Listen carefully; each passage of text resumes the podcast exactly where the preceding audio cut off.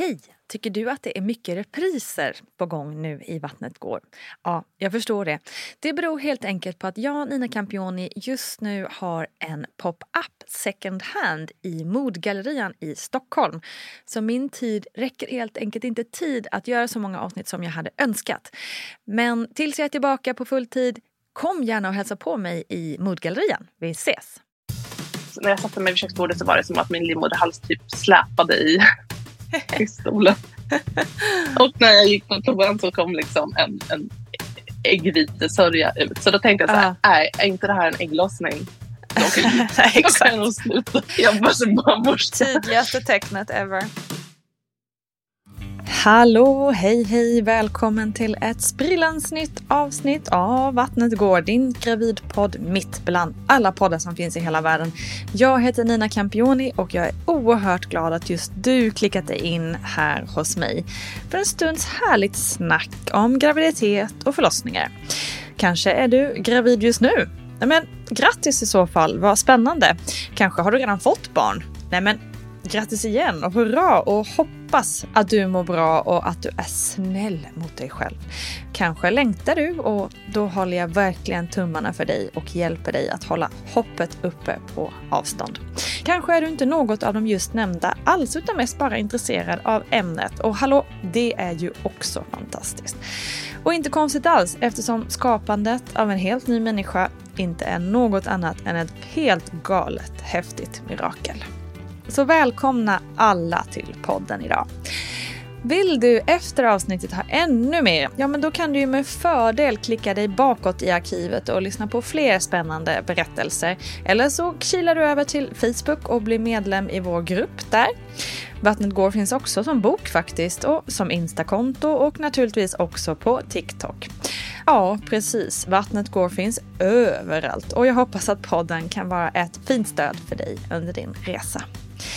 Nog om det nu hörni och över till veckans gäst som är ingen mindre än självaste Instamorskan. A.k.a. Sara Dellner som ju under namnet Instamorskan folkbildar kring graviditet och föräldraskap på sociala medier. Och det gillar vi ju i den här podden, eller hur? Men nu är det dags för Sara att dela med sig av sin egna historia och sina egna erfarenheter. Hur är det egentligen att vara barnmorska och gravid? Känner man liksom då att man redan har koll på läget eller blir man ännu mer stressad eftersom man kanske vet för mycket? Ja, det och mycket annat ska vi gå in på nu. Välkommen barnmorskan Sara Dellner.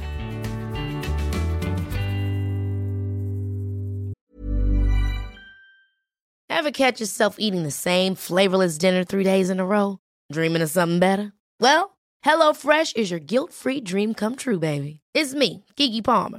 Let's wake up those taste buds with hot, juicy pecan crusted chicken or garlic butter shrimp scampi. Mm. Hello Fresh. Stop dreaming of all the delicious possibilities and dig in at HelloFresh.com. Let's get this dinner party started.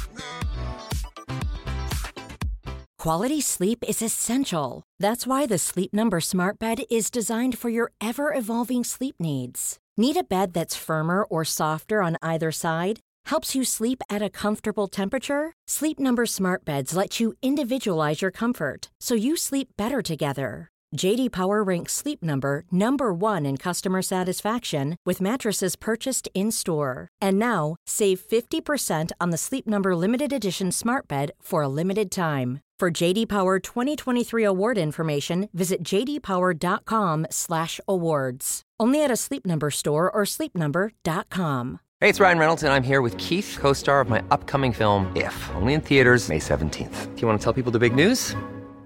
All right, I'll do it. Sign up now and you'll get unlimited for $15 a month in 6 months of Paramount Plus Essential Plan on us. Mintmobile.com slash switch. Upfront payment of $45 equivalent to $15 per month. Unlimited over 40 gigabytes per month. Face lower speeds. Videos at 480p. Active Mint customers by 531.24 get six months of Paramount Plus Essential Plan. Auto renews after six months. Offer ends May 31st, 2024. Separate Paramount Plus registration required. Terms and conditions apply if rated PG. A lot can happen in three years. Like a chatbot may be your new best friend. But what won't change? Needing health insurance. United Healthcare Tri-Term Medical medical Plans, underwritten by Golden Rule Insurance Company, offer flexible, budget-friendly coverage that lasts nearly three years in some states. Learn more at uh1.com.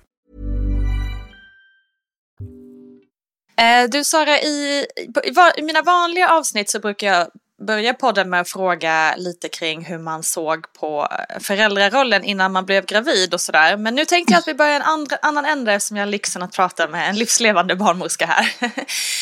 hur såg du på barnmorskeyrket? Var det någonting som du eh, tidigt visste att du ville bli? Nej, men det var ingen så dröm som jag haft sedan jag var barn som, som många eh, ändå beskriver när de pratar mm. om vägen till att bli barnmorska. Mm. Men jag visste nog att jag ville jobba med någonting inom sjukvård, om det var läkare eller sjuksköterska eller så här, det visste jag mm. riktigt. Eh, men sen så var jag ute och reste och eh, pluggade faktiskt till sjuksköterska på distans. Och eh, under sommaren så kom jag hem och tjänade lite pengar. Eh, och då jobbade jag som undersköterska på förlossningen och det var då jag fick mm. upp själva liksom, bilden av hur en födsel går till och sådana där saker. Mm. Omkring mig har jag inte haft någon som har jobbat på förlossningen eller så, utan jag kanske tänkte mer på barnmorska. Den enda referensen jag hade var ju kanske på Umeå, alltså ungdomsmottagningen. Just det. Och så, så, då, då föddes den idén och, och, du valde att specialisera dig efter då, gissar jag? Ja, men jag kände ändå att jag tyckte att sjuksköterskeyrket Eh, är och, och var väldigt kul och jag vill mm. ändå känna mig trygg i den rollen som sjuksköterska. Mm. Det var inte så att jag pluggade sjuksköterska bara för att bli barnmorska utan jag njöt av mina år som sjuksköterska tyckte att det var jätteroligt.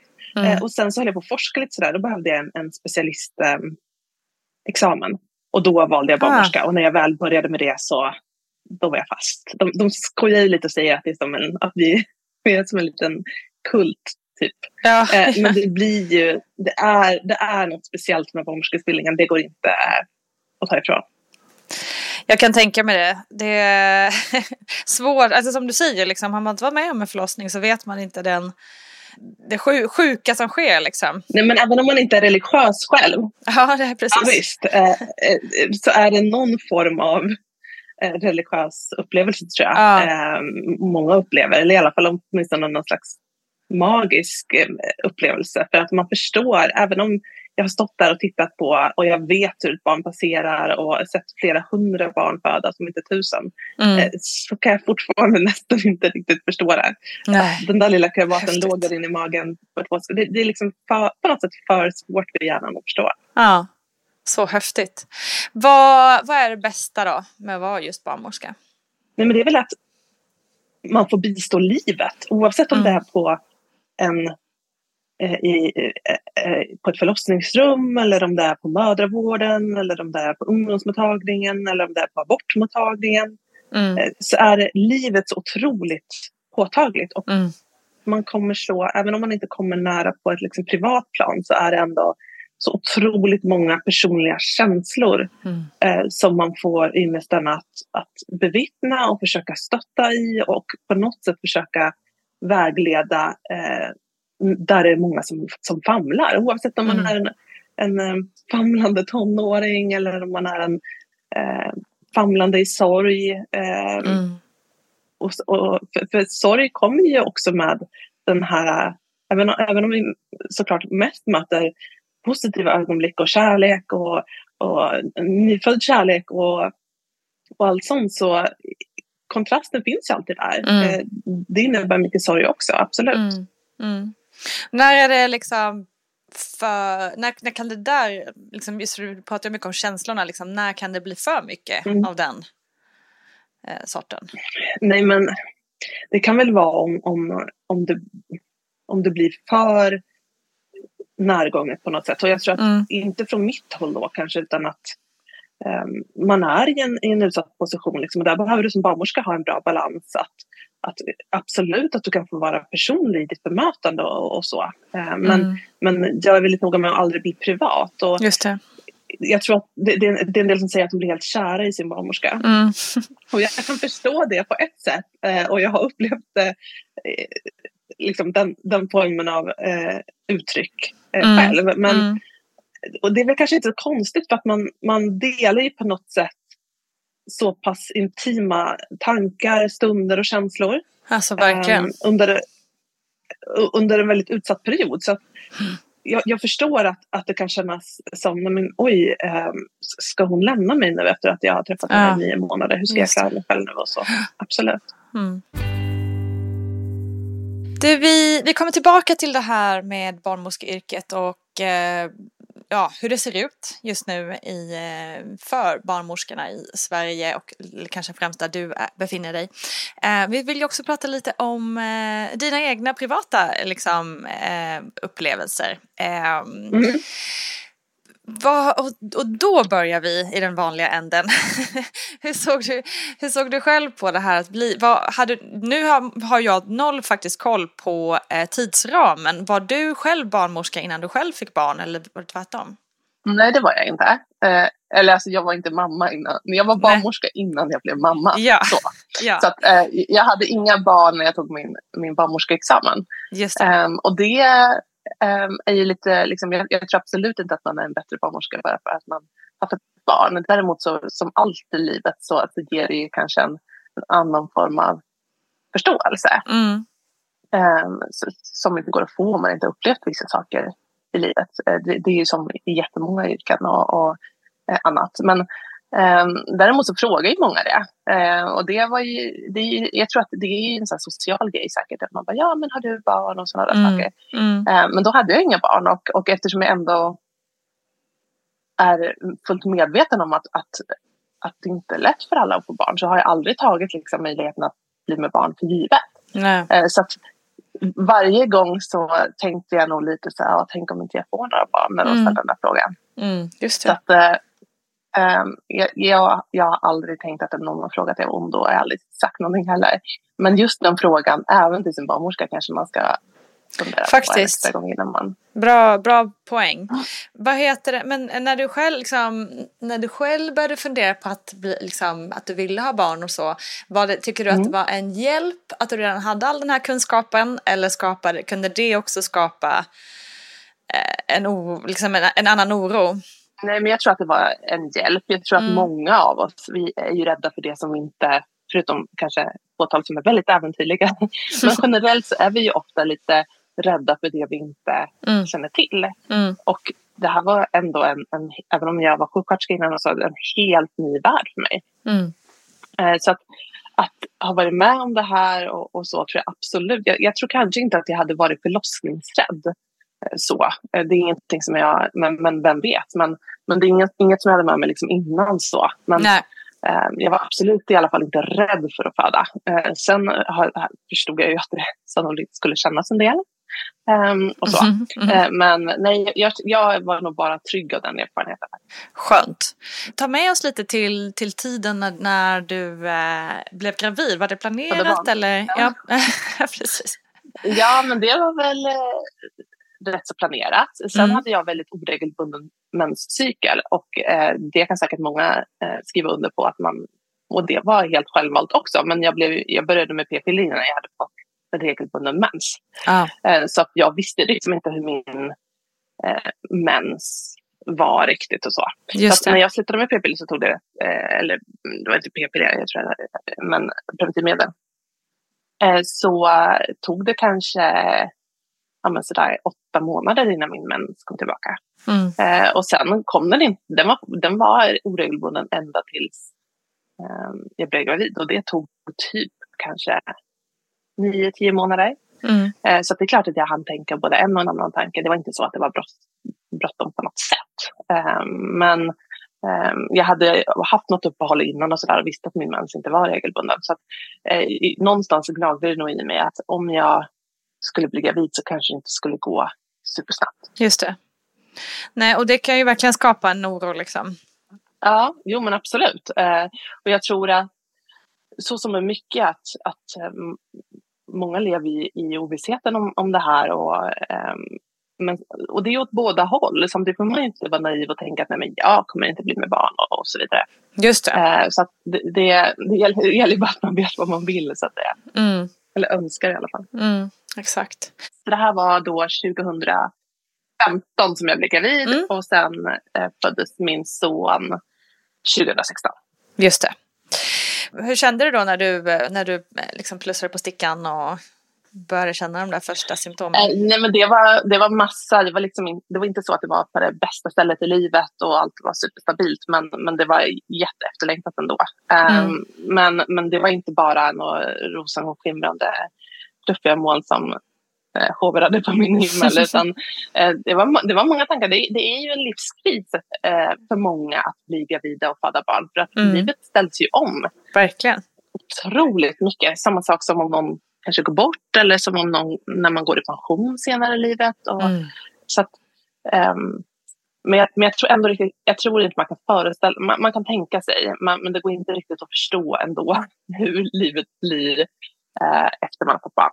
Nej, Men, verkligen. men jag var rätt så lugn faktiskt under, under min, min graviditet, första graviditeten.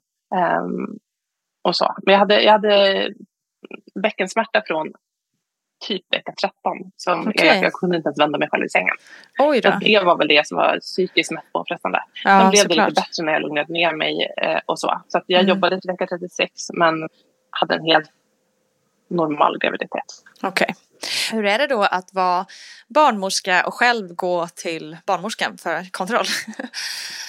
Jo, men det, det var rätt så trevligt. Jag gick faktiskt mestadels själv. Mm. Ehm, in, in, det var inte så att jag sa till min dåvarande partner att, att eh, du får inte följa med. Utan, eh, det bara blev så. Vi var där tror jag, första besöket tillsammans och sen så satt ju jag och barnmorskan, vi kände varandra lite tidigare så vi satt mest och snackade Ja. om annat. om det. det, var, det, var, det, var mer som, som att träffa en kompis när jag gick till Ja. barnmorskan och jag var inte, inte jätteorolig på något Nej. sätt. Så. Utan Nej. den första, första graviditeten var jag faktiskt väldigt lugn. Ehm, Skönt. det blev mer andra graviditeten sen, som när man förstod att den här... Jag tror inte jag förstod hur, den här, hur stor den här kärleken skulle bli. Ja, Eh, nej, och innan man förstår det, eh, så, så för mig, för mig, eftersom jag visste, alltså jag kände ju till, liksom, jag visste väldigt mycket kring graviditet och förlossning och sådana saker. Mm. Så att, för mig var inte det så ovisst. Det är många som tycker att det känns läskigt första graviditeten. Men för mig var det andra graviditeten när jag blev varse om den här Mm. otroliga kärleken på ett helt annat sätt. Ja, gud vad eh, jag känner än igen mig i det. Tidigare. Precis, exakt Mm. så var det för mig också verkligen. När man har ett Mm. helt annat grepp om vad det är man kan liksom möjligen förlora på något vis liksom. Ja, visst. Ja, absolut. ja, men liksom att någonting kan hända eller sådär. Mm, alltså andra gången. Ja. Man vill gärna ha det sådär friskt och, och bra och så som det var som var första gången. Precis. Exakt. Ja men du Mm. nämnde också där lite innan om, om förlossning att du inte, du kände ingen direkt oro, eh, eller du var inte rädd för förlossning i alla fall. Ehm, men Nej. eh, hur tog du dig an förlossningen? Jag var inte rädd. Jag eh, hade lite så här små regelbundna eh, verkar under dagen. Jag tyckte Mm. inte att det var så mycket mer med det. Mm. Eh, och eh, jag är rätt så smärtkänslig annars faktiskt. Måste jag, säga. Mm. jag tänkte, jag hade föreställt mig att när jag födde barn med det kommer jag ligga och kvida. Just och stå lite och slappna av när jag har ont också. Ja. Eh, Det var inte så att jag gick någon profylaxkurs eller någonting. Utan eh, jag, nej, jag tänkte att det, det, här är, det här är en sak som jag bara ska gå igenom. Mm. Eh, Så jag värderade inte liksom födelse på något sätt eller, eller byggde upp någon större grej av det. Liksom. Sen kände jag mig lite osäker. Nej, men alltså, det, det låter ju konstigt när man är barnmorska själv, men när det kommer till en själv så är det så svårt att så här, eh, känna av. Så jag ringde en av mina eh, bästa kompisar som blev helt till sig eh, och tänkte men gud, nu liksom säger jag mer än vad jag lovar, höll jag på att säga. Men hon ville komma och, och um, eh, känna på mig och så gjorde hon det. Så vi är hemma Ja. så gjorde hon det och sen så eh, sa hon att jag var tre centimeter öppen. Så då visste vi i alla fall att det började hända någonting. Mm. Eh, och sen hade jag inte så ont. Eh, men så ringde jag ändå av och stämde av med förlossningen lite. Så där, då sa de att ah, det, det finns bara ett rum just då. Och det får man inte glömma bort att det är en ögonblicksbild. Liksom. Mm, Och mm. då fanns det ett rum kvar och då tyckte de att jag inte skulle vara någon duktig barnmorska eh, och kolla på och, och vara hemma tills jag var fullt öppen. Utan att eh, jag skulle komma in och kunde spendera den tiden på förlossningen om det kändes okej för mig. Och det ville ju absolut min partner. Så då tänkte jag att ah, vi åker in. Mm. Klokt. Och sen eh, väl, sen väl, väl där så eh, hade jag hade faktiskt inte så ont. Eh, vilket förvånade mig. Utan jag var, det gick rätt så fint framåt. Som vi säger, typ så ungefär normalförloppet en centimeter i timmen. Mm. Ehm, och sen när jag kom upp, när jag var uppe åtta, då hade mina hinnor fortfarande inte brustit och så. Och då var det först de köpte på dem två Citodon eller något sånt där. Mm. Alltså två, två eh, smärttabletter. Just det. Eh, och sen så var jag uppe en hämta nästa gång också. Och då tänkte jag att här kan jag inte ligga hela dagen. Det här är jag förstföderska, det kommer liksom ta tid, själva nedträngningen. För att barnet var fortfarande väldigt högt upp. Okay. Så även om man öppnar sig så är det liksom för förstföderska är det här att tränga igenom bäckenet Mm. som ofta tar tid. Så att, Mm. nej men, det här, jag, jag vill inte ligga här i 12 timmar till. Eh, kan du ta hål på mitt vatten? frågar det.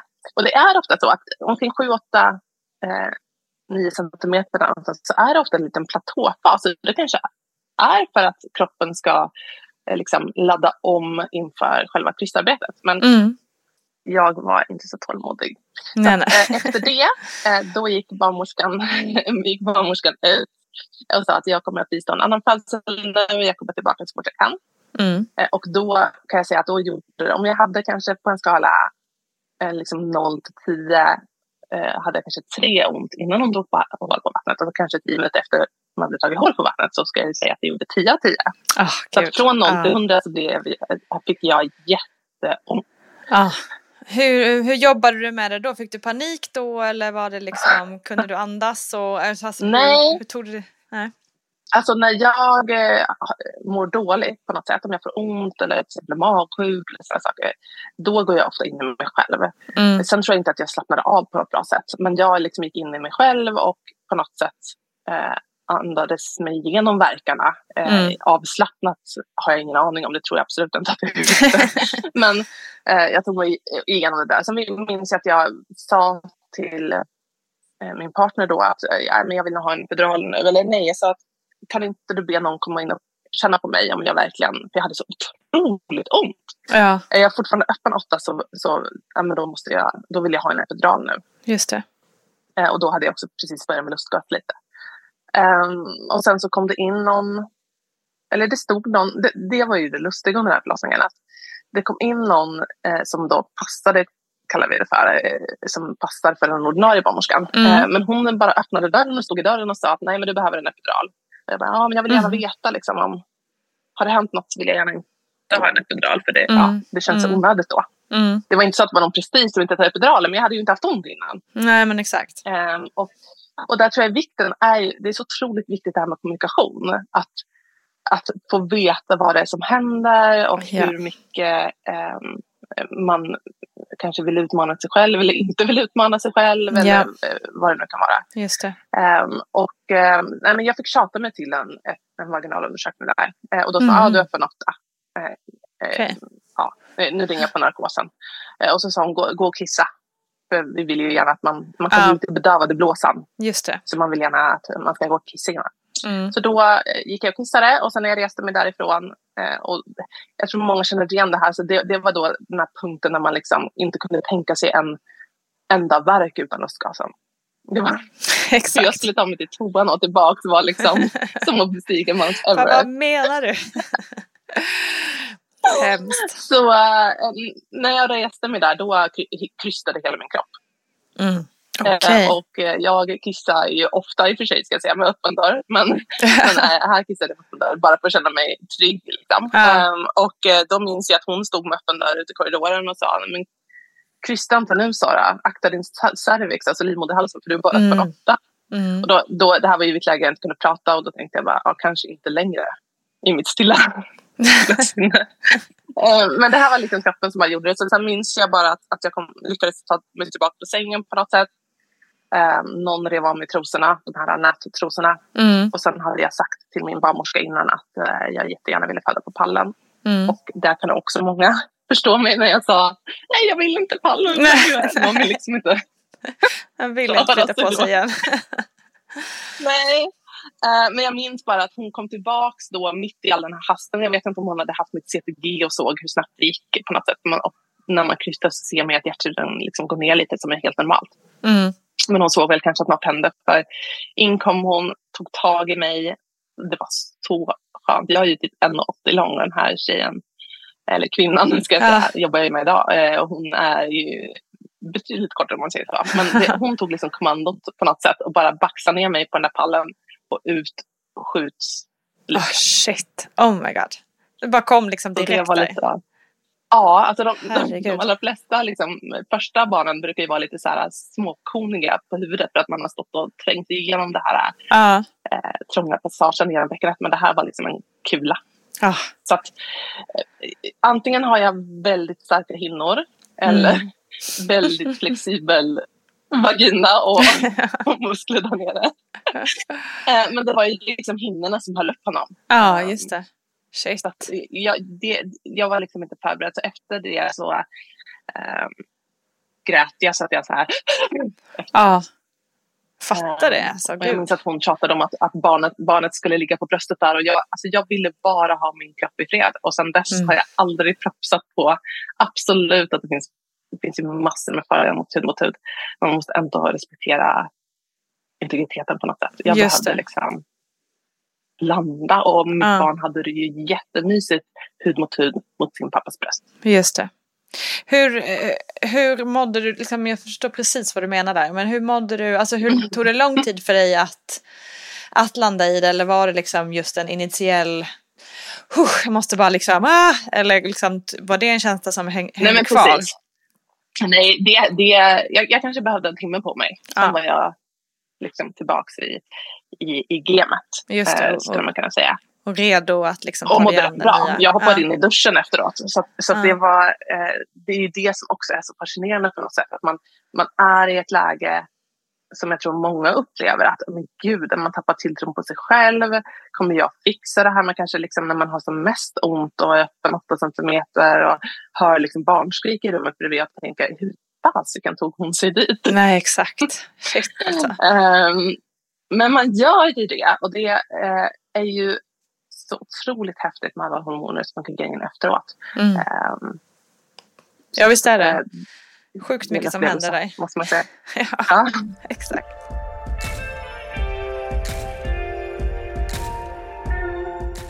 Liksom när det hade gått eh, det där första dygnet och så vidare. Hur, hur, precis som vi pratade om i början där, att liksom, i alla fall jag upplevde det ganska starkt efteråt med första barnet att man liksom eh, ja, man förlorade lite sin, man sörjde lite sin, sin gam, sitt gamla jag och samtidigt var liksom glad för det här nya.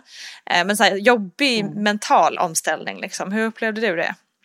Nej, men jag tyckte inte att det var så jobbig omställning. Alltså på något sätt, jag har ju ändå tillägnat liksom, ända, alltså hela mitt yrkesliv till att jobba inom vården. Så Mm, det är på något sätt väldigt nära. mm, Liksom, att ta hand om ett nyfött barn är ju omvårdnad mm, på sin spets. Så. Så att jag tror inte att det kanske var lika långt steg för mig som om man kanske hade haft en, en, en yrkeskarriär.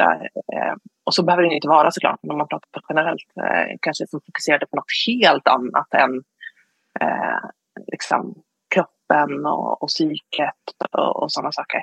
Däremot så blev jag verkligen överväldigad av kärleken men också Mm. att livet fick på något sätt en helt annan innebörd. Eh, jag kan förstå varför kroppen vill föröka sig. Liksom. Ja, Eh, för, för att det, det, det är ju någonting så otroligt evolutionärt med, med hela den här grejen också. Eh, och, och den var också läskig. Eh, Mm.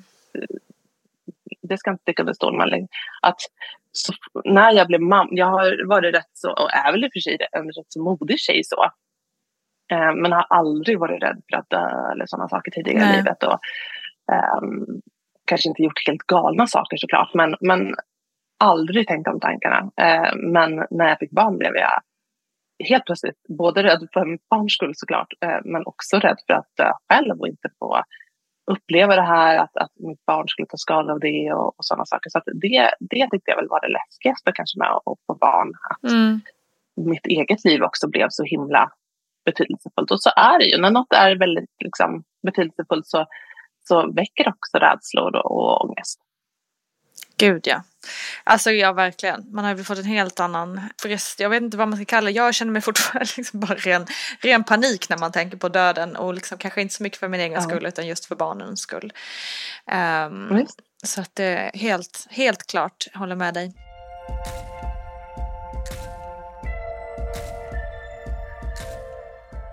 När började tankarna kring syskon och sådär komma? komma få, Nej, men form? Alltså det var vi nog rätt inställda på. Eh, jag tror att vi, vi var rätt och är rätt så olika, jag och barnens pappa. Vi lever ju inte tillsammans idag. Eh, så, men vi har en jättefin föräldrarelation. Mm. Eh, men vi är väldigt olika som personer och för första gången i, i alla fall från mitt håll och mitt, mitt perspektiv så, så hittade vi någonting gemensamt och jag tyckte att vi var superduktiga. Ready to pop the question? The jewelers at BlueNile.com have got sparkle down to a science with beautiful lab-grown diamonds worthy of your most brilliant moments. Their lab grown diamonds are independently graded and guaranteed identical to natural diamonds, and they're ready to ship to your door. Go to Bluenile.com and use promo code LISTEN to get $50 off your purchase of $500 or more. That's code LISTEN at Bluenile.com for $50 off. Bluenile.com code LISTEN. This is Paige, the co host of Giggly Squad, and I want to tell you about a company that I've been loving Olive and June. Olive and June gives you everything that you need for a salon quality manicure in one box. And if you break it down, it really comes out to $2 a manicure, which is absolutely insane. It's also so easy to get salon worthy nails at home with Olive and June. The difference between how your nails used to look when you did them yourself and now with the Manny system is a complete game changer. The best thing about Olive and June too is it's a quick dry, dries in about one minute, lasts for five days, and full coverage in up to one to two coats. Visit oliveandjune.com slash perfect Manny 20 for 20% off your first system. That's oliveandjune.com slash perfect Manny 20 for 20% off your first system system. Ever catch yourself eating the same flavorless dinner three days in a row? Dreaming of something better? Well, HelloFresh is your guilt free dream come true, baby. It's me, Gigi Palmer.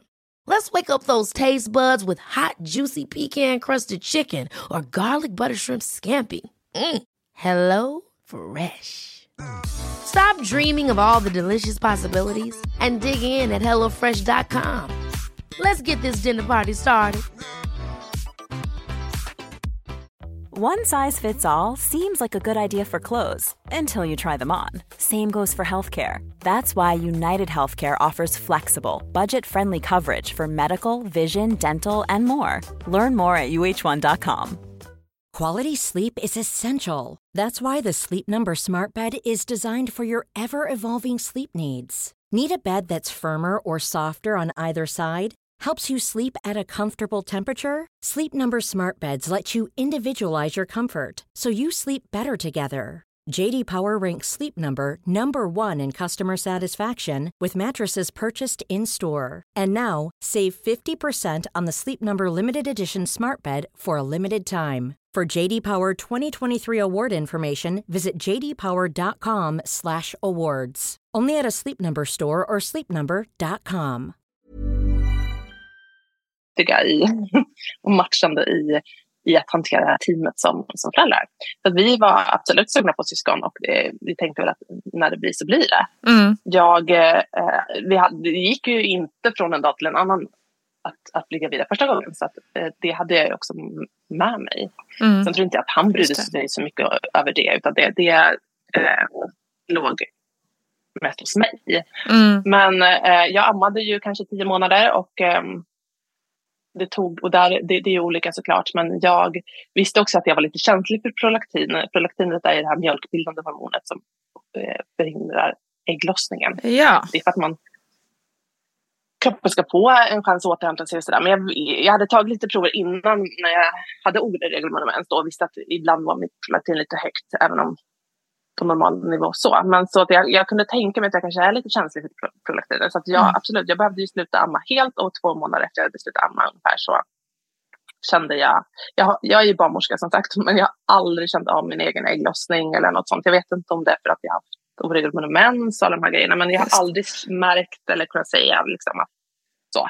Men då var det som att när jag satte mig vid köksbordet så var det som att min livmoderhals typ släpade i, i stolen. Och när jag gick på toan så kom liksom en, en äggvitesörja ut. Så då tänkte jag så här, nej, är inte det här en ägglossning? Då kan, då kan jag nog sluta. Precis.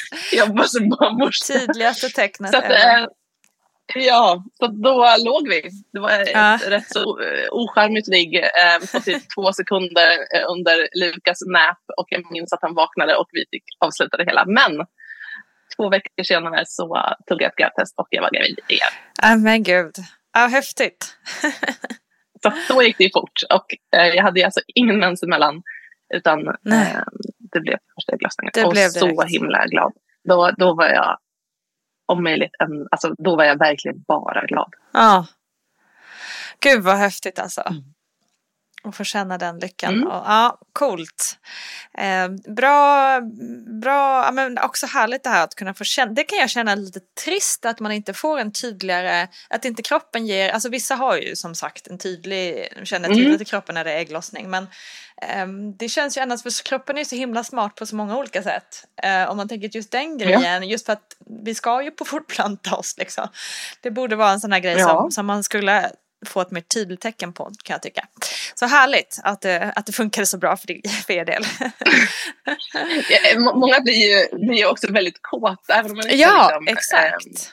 eh, läsa av eh, flytning och alla de här grejerna så, så brukar ju många ändå säga att nej, men jag blir väldigt kåt Ja, men under, precis. under eh. Eh, jag vet inte, jag kan inte, jag kan inte stryka under den. men- Nej, jag, jag Men, tycker inte eh, heller att jag har fått den heller. Fan.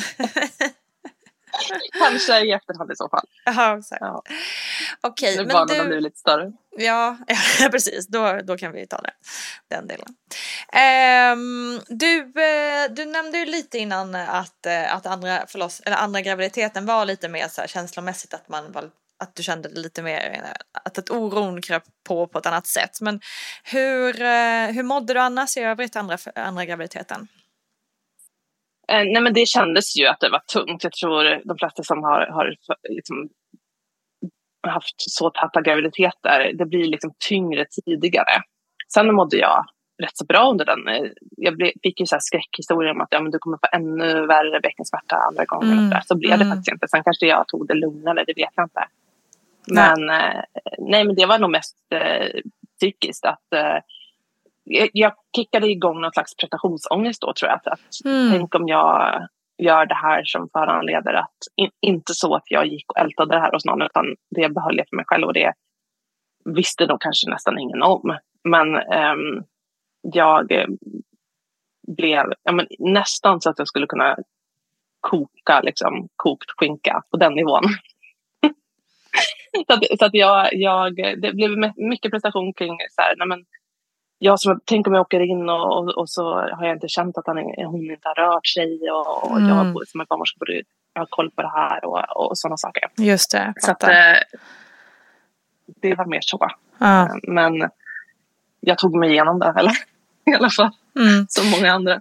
Blir det också liksom, alltså jag tänker så här, vi kvinnor är ju ganska bra på att inte vara, alltså man vill inte ta plats, man ska inte liksom ringa in, alltså så här, speciellt när man vet att eh, sjukvården är ansträngd så vill man inte, nej inte ska väl jag, du vet så här, eh, även fast man kanske har ont eller känner oro eller vad det nu än kan vara. Eh, kan det vara lika, eller kanske ännu mer för, någon, för, för dig som jobbar i yrket och bara, nej men jag ska inte in och störa här nu, det är nog bara... Ja, men, men kanske lite. Ehm, så. Ehm, men sen tror jag också så här, det är inte bara barnmorskor som jobbar på förlossningar utan det är läkare och, Mm. och liksom. Mm, Eh, vi, vi i alla fall har ju mer det normala referensförhållandet eftersom vi ser så himla många normala födslar. mm, Eh, så att ehm, det här är en ytterst personlig liksom, upplevelse. Men, men jag upplever ändå att kanske barnmorskor inte lika oroliga som grupp som, som, som kanske läkarna är.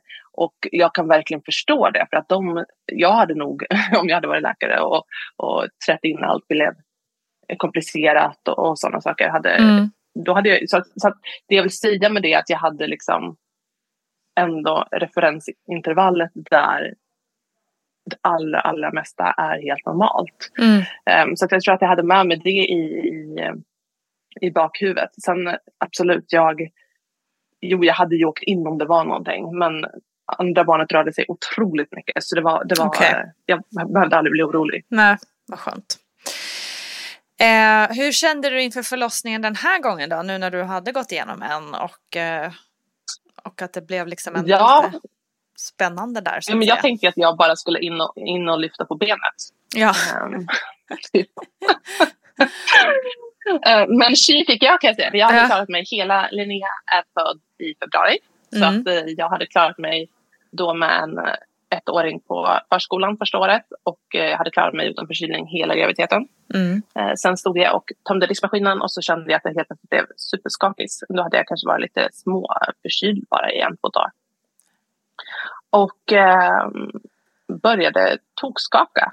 Nämen. Faktiskt. Jättekonstigt. Jag har Okej. en olustkänsla som, ja men ni vet när man va- vaknar i feberyra och, och liksom, Ja. Man kan nästan inte ta på det men man mår så otroligt konstigt. Mm. Ehm, så jag tänkte så här, äh, men jag måste göra något åt det här. Jag går ner och tar två Alvedon Mm. eh, som jag direkt störtkräktes upp. Nej men jag säga. shit. Eh, och, sen, och sen låg jag bara och skakade och så låg jag kanske och skakade sådär i typ två timmar. Nej men Jag kände att, gud vad alltså, mag, mag, hela jag är liksom helt skakis. Så jag Ja. måste ringa in och bara prata med någon och de säger nej men du är magsjuk. Vi vill inte ha in dig. Jag bara, nej men alltså jag är verkligen inte magsjuk. Alltså jag har druckit eh, typ två liter vatten efter det här. Det gör jag inte om jag är Nej magsjuk. exakt. Nej. Ehm, utan det, det där var det väl en reaktion på den plötsliga liksom, febern som jag fick. Mm. Det illamåendet. Ehm, sjukt. och så sa ah, men har du feber då? Nej, men jag, ja, det har jag. Det, det känner jag ju. Liksom, jag har feberfrossar. Uh, Mm. men har du tagit tempen? Och så, nej, då höll vi på att dividera om det där. Slut, nej, men jag måste få komma in. Och jag känner att det är något som liksom, jag mår, mår för dåligt. Och Mm. magen när man ligger och skakar så där mycket, den blir liksom stenhård. Den är så lättillgättlig. livmodern i slutet. ja ja ja. Så då åkte jag in eh, och det var en supertråkig CPG-kurva som, som mötte mig. Och det var inte konstigt. För när jag har feber och går ju min puls upp och då går ju också eh, fostrets puls upp. Mm. Eh, men man, man gav mig lite eh, febernedsättande i droppform Mm. och vätska och tog lite prover. Såg att jag hade någon infektion. Eh, och sen var jag tydligen öppen 4 centimeter också. Jag kände det kanske Okej. lite på vägen in. Att jag, på vägen in så gjorde det lite ont i guppen. Det är så här, Ja. typ det första tecknet på att någonting är på gång att hända. Ja. Eh, men sen visste jag ju inte för att jag hade ju inte haft ont tills jag var öppen åtta sist. Så jag Just blev kvar där. Mina infektionsvärden steg ännu mer. ehm, och eh, de var väl nog lite mer oroliga för mig än kanske vad jag var då. För då hade hennes kurva gått ner. Jag brydde mig mest bara om henne. Ja. Skulle jag säga. Mm. Ehm, så att eh, sen, så jag, blev upp, jag sa att jag går inte hem och de bara nej, nej, nej, vi skulle inte släppa hem dig så här. Så blev jag inlagd på eh, antenatalen, den här avdelningen som man ligger på ehm, om man är sjuk eller så under Mm. Mm. Eh, och så var jag kanske där i tre timmar. Han Mm. precis somnade när någon läkare kom in och ville knacka mig på, på njurarna och, och undrade var den här infektionen kom ifrån. Så att då hade de fått mina provsvar som visade att, att eh, infektionsvärdena hade stigit ännu mer. Okej. Eh, nej, men jag mådde rätt bra, men då drog det igång. Ska jag säga. Så, eh, sen var det en som kände på mig där, då var jag från sex och sen så kanske jag tuffade runt lite där. Eh, började få lite småont och sen efter en halvtimme så fick jag komma ner till förlossningen igen. Mm. Men när jag kom ner dit då så sa jag att nu vill jag ha en epidural. Ja. jag, har, jag hade 39,8 graders feber. Ah, jag gör fy. inte det här på någon prestation utan nu vill jag eh, ha, ha en epidural. Alltså jag kan tänka mig att värre än att behöva föda barn när man har feber. Alltså fy fasen. Ja. Usch, Men man jag gör ju det på något sätt. Det är det som är så sjukt. Ehm, och sen eh, så, ja, men så gick det rätt snabbt sen. Okej. Så att det, det, det var ändå rätt skönt. Men du hann få epidural, eller? Jag hann få epiduralen och Ja. sen så eh, tog hon hål på mina hinnor. För jag sa att jag, Mm, jag kan inte ta hål på hinnorna innan jag har fått Nej. en epidural. Ehm, men det kom inte så mycket vatten. Eh, och det sa jag väl, minns jag också, så här, att nej, men jag tror inte att men, men det liksom snackades förbi på något sätt. så. Inget ont Mm. mot barnmorskan, men det var liksom, ja, hon hade någon annan upplevelse. Så till slut så kände jag så här, nej, nu ligger jag här och tar de här verkarna och epiduralen tog bara på ena sidan. Mm. Andra sidan eh, eh, kände jag allt på. Så till slut tänkte jag så här, nej, nu ligger jag och kniper här som en omföderska gör. Liksom. Mm. Man vet vad det är som kommer, man, Ja. man slappnar inte av. Nej, exakt. Jag går på toaletten, eh, försöker att att liksom bajsa ordentligt så att kanske den här sista hinnan eh, brister. Jag reser Ja. mig från toan och hela badrummet är liksom täckt i fostervatten. Åh shit. Och sen kom hon efter en halvtimme. Så att, eh, jag borde kanske ha lyssnat lite. Men man är ju i ett tecken, även om man Mm. inte har Gud ja, feber verkligen. och föder barn. Så är det är liksom, eh, jag kanske hade önskat så här i efterhand om någonting så kanske jag hade önskat att stå på mig lite mer och sa att nej, men jag tror inte hinnorna är helt Nej, liksom, sönder. just det. Men ja, Å nej, men andra precis. sidan, det var ingen fara. Så att det gick ju Nej. bra. Men det är ändå, ändå på något sätt lite så här um, skönt för oss icke-barnmorskor att känna att det liksom, det, även om man är barnmorska så, behö, så är det ju inte så jäkla lätt alltid att veta vad som händer, alltså hur det känns i kroppen eller vad det är som sker. Nej. Eller liksom, och man, som du säger, man är verkligen i ett töcken, verkligen. Ehm, Ja, och jag tror att det är så otroligt viktigt att man inte... Det är klart att man kan fundera i all välmening eh, utan att nedvärdera den förra födseln. Att, Mm. alltså, men, om möjligt så skulle jag gärna vilja att göra det här annorlunda nästa gång. Just. Eh, men inte som att... Jag tror att man ska vara otroligt försiktig med att liksom kritisera sitt eget, sitt eget agerande eller så. Och Verkligen. verkligen, inte se födandet som, som någon prestation. mm, gud Eh, ja. det, det blir ofta det här, jag vill ha en revanschförlossning och, och jag, jag tänker att det är säkert i all välmening men om vi börjar liksom marknadsföra kurser för att få sin mm, revanschförlossning och sådär, då, då värderar vi ju själva andras Mm. födslar Mm, eh, nästan. Även om det, det ligger hos dem så är det ändå någonting som vi liksom ehm, ett, ett begrepp vi uppmuntrar till på något sätt. Och jag tror att precis. en födsel för att komma liksom runt det och anklaga sig själv eller det, sorg eller vad det nu kan vara. Så att, eh, tror jag det handlar om att man får på något sätt försöka acceptera oavsett hur födseln blev. Att, att det var en födsel och den var. Mm. Och den var jag, exakt. Mm. Ja men precis. Nej, men det, det är nog eh, väldigt eh, klokt att tänka just det där eh, värdera och jämföra sina egna.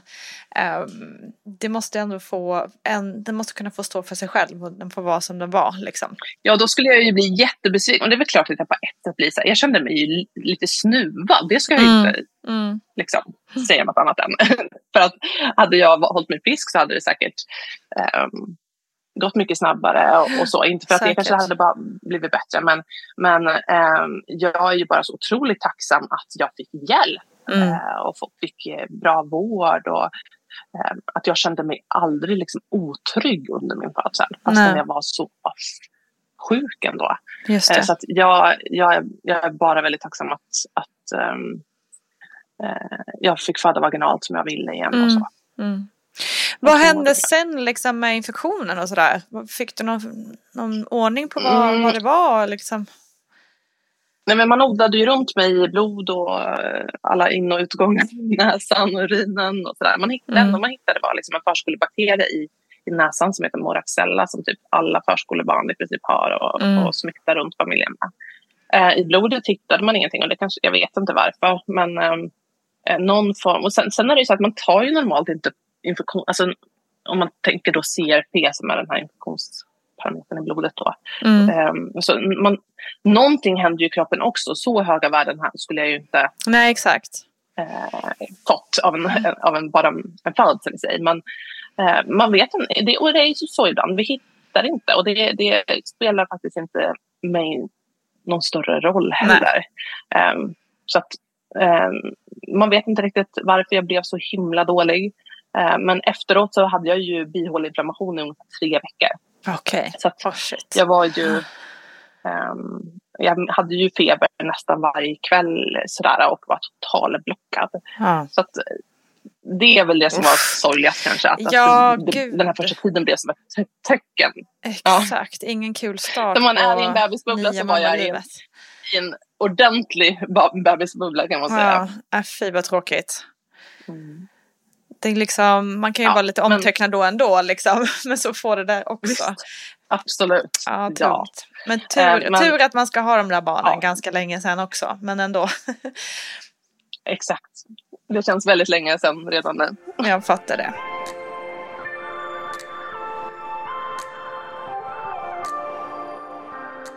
Är det någonting sådär liksom som du har blivit överraskad av som ny- nybliven mamma? Jag tänker sen när man kommer hem och sådär från förlossningen och, och sådär. Som, alltså när man, just när man tänker också utifrån det- ditt yrke att du, du kan så mycket om det här liksom. Men när man själv blir förälder så är det såklart en annan sak. Ehm, just den här första tiden hemma, var det någonting som var så här, åh shit, jag önskar att jag hade bättre koll på det här liksom. Nej men det kanske var andningen. Vi Mm. läser ju så otroligt mycket andning under barnmorskeprogrammet. Mm. Det liksom genomsyrar alla delar i princip under Mm. de här ett och ett halvt Mm. åren. Och ehm, jag hade nog inte förstått, för, det, för på något sätt så, det jag tog till mig i alla fall var att, att eh, gör det ont så är det fel, då är det fel, det är verkligen fel. Någonting är fel, eh, barnet tar fel tag eller vad det Mm. är. Men eh, jag hade ju, och jag har, det är inte så att jag har eh, liksom heller känt så att men jag tänker amma till varje pris eller sånt. Jag tänker Mm.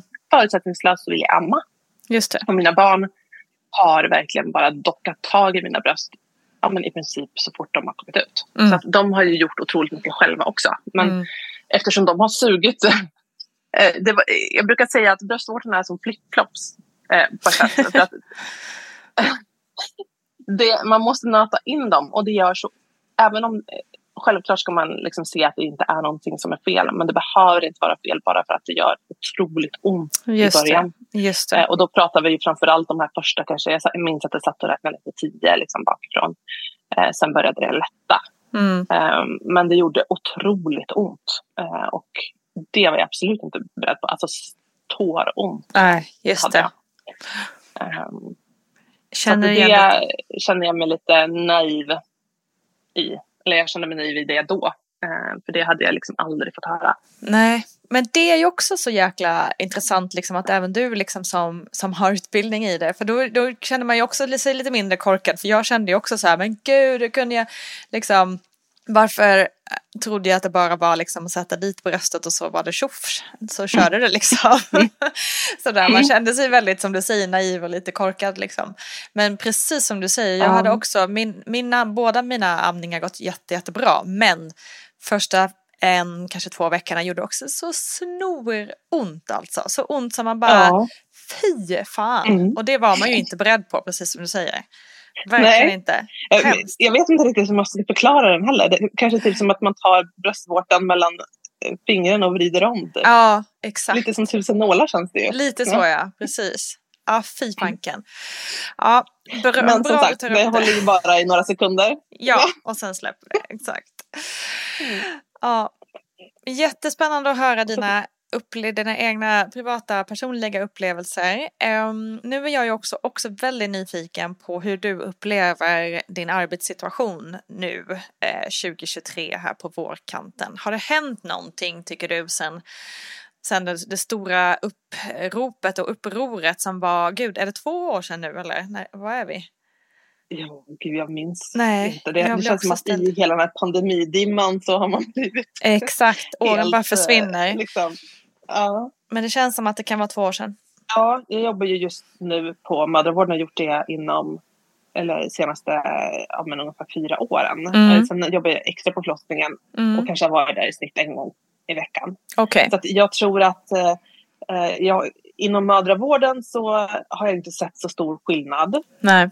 Eh, men när vi pratar om förlossningen så det, tror jag man ska ha liksom, respekt för att det blir ju en, en form av upplevelse när man är där eh, och har det som sitt enda jobb. Såklart. Eh, och är där dag ut och dag in. Mm. Eh, men när jag har varit där har jag inte sett någon större skillnad. Sen kommer det alltid, sen, däremot vet vi att det, det skrivs in fler barn generellt, alltså det, barn, förlåt, det skrivs in färre gravida ehm, på mödravården. Så att Okej. det är en liten dalning i, Mhm, mm. eh, i eh, liksom barnabildande. Mm. Eh, och eh, sen på förlossningen, det är ju verkligen ögonblicksbild. Det är klart att det finns ju lugna dagar där och Mm. har alltid funnits. Mm. Ehm, och eh, mer intensiva eh, pass och Ja. ibland alldeles förskräckliga pass. Ja. Eh, men jag har inte upplevt någon större skillnad där. Och sen har jag jobbat på så, så pass liksom, ska man säga, populära eh, eller hö- högt söktryck på, på de mödravårdarna där jag har jobbat på. Att jag har inte upplevt den här, det är inte som att jag har suttit med luckor i mitt schema. Eh, utan de gravida har ändå sökt sig i, i, ungefär i samma utsträckning till de här mödravårdsenheterna. Mm. Okej. Eh, men jag ska faktiskt börja på förlossningen första maj och bara Mhm. jobba där. Okej, specialistmödravård. spännande. Mm. Kanske vi får anledning att då- återkomma. Exakt. Då kan jag berätta för dig under den, efter den sommaren hur, hur det har varit. Men det är ju också, Sankt Göran öppnar nu till exempel. Så att, eh, Just det.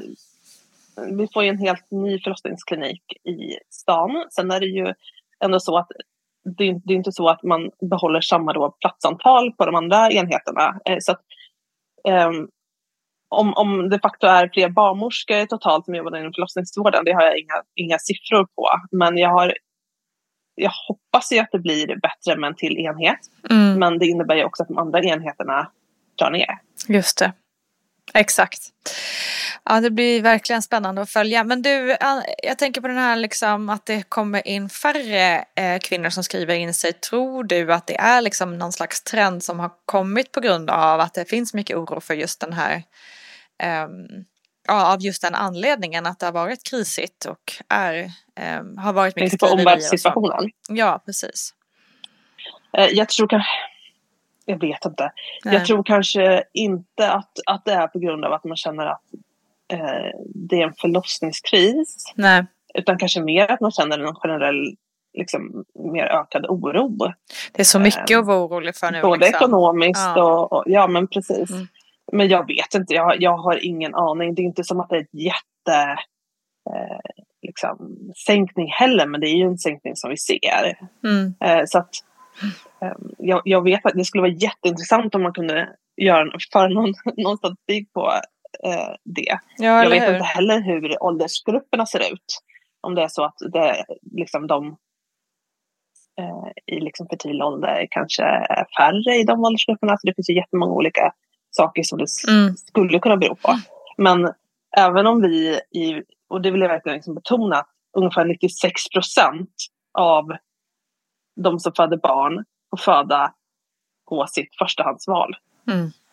Det. det är ju ungefär liksom 4 procent som vi ser mycket av i med, med all rätt. Mm, alltså. mm, um, inte så, men, men man får heller inte glömma bort att det är ändå 96 för det, det, det är ju jätteviktigt. Det första de, det första de är liksom oroliga för är att ja. om jag inte kommer på plats på mitt sjukhus och jag som ändå har jobbat på flera sjukhus vill jag också verkligen betona att det handlar ju inte om vilken enhet du hamnar på.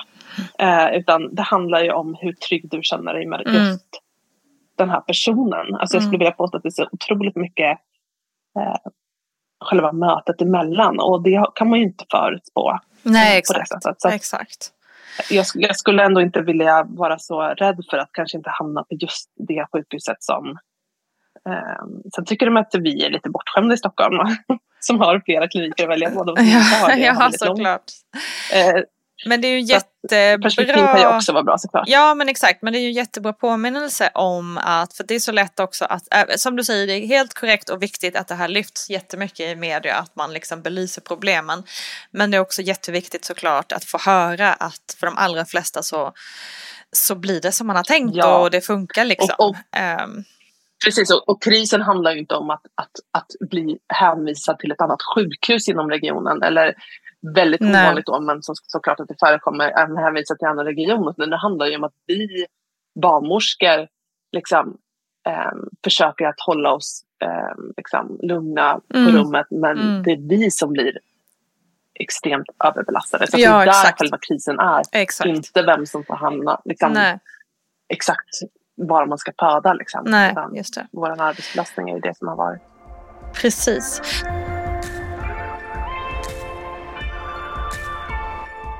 Eh, så kul att prata med dig. Eh, jag undrar om du också som barnmorska eh, har något extra du vill säga eller skicka med till de som lyssnar som är gravida just nu? Om du har något insider tips? Nej men det är väl att försöka tänka att aldrig jämföra med någon annan och inte tappa tron på din egen förmåga. Och mm. verkligen inte värdera allting så mycket hela tiden. Oavsett mm. om det är eh, föreställningen om hur det skulle vara eller hur det skulle bli eller hur det skulle kännas eller hur du förväntas att reagera. Mm. Utan ha en dag som den kommer och eh, försök att det finns ingen måste att njuta heller utan försök att bara vara. Korrekt. Mycket bra. Tusen tack Sara. Eh, jag hoppas tack. Att, att alla som lyssnar kan ta med sig av de fina tipsen. Eh, ha nu en underbar semester och tusen tack för att du eh, tog dig tid. Tack på, Ända från Mallis, herregud så lyxigt. Yes. tack snälla Lina. Tusen tack Sara Dellner. Så intressant att få höra din point of view när det gäller situationen för barnmorskor i vårt land idag. Ni hittar Sara under namnet Instamorskan på, ja just det, Instagram. Och där hittar du såklart också Vattnet går. Hej alla! Stort tack för att ni har lyssnat idag och gett oss er tid. Och senare i veckan kommer också ett spännande nytt avsnitt av Barnet Går. Missa inte det. Ha en underbar dag allihopa. Vi hörs snart igen. Kram på er. Hej då!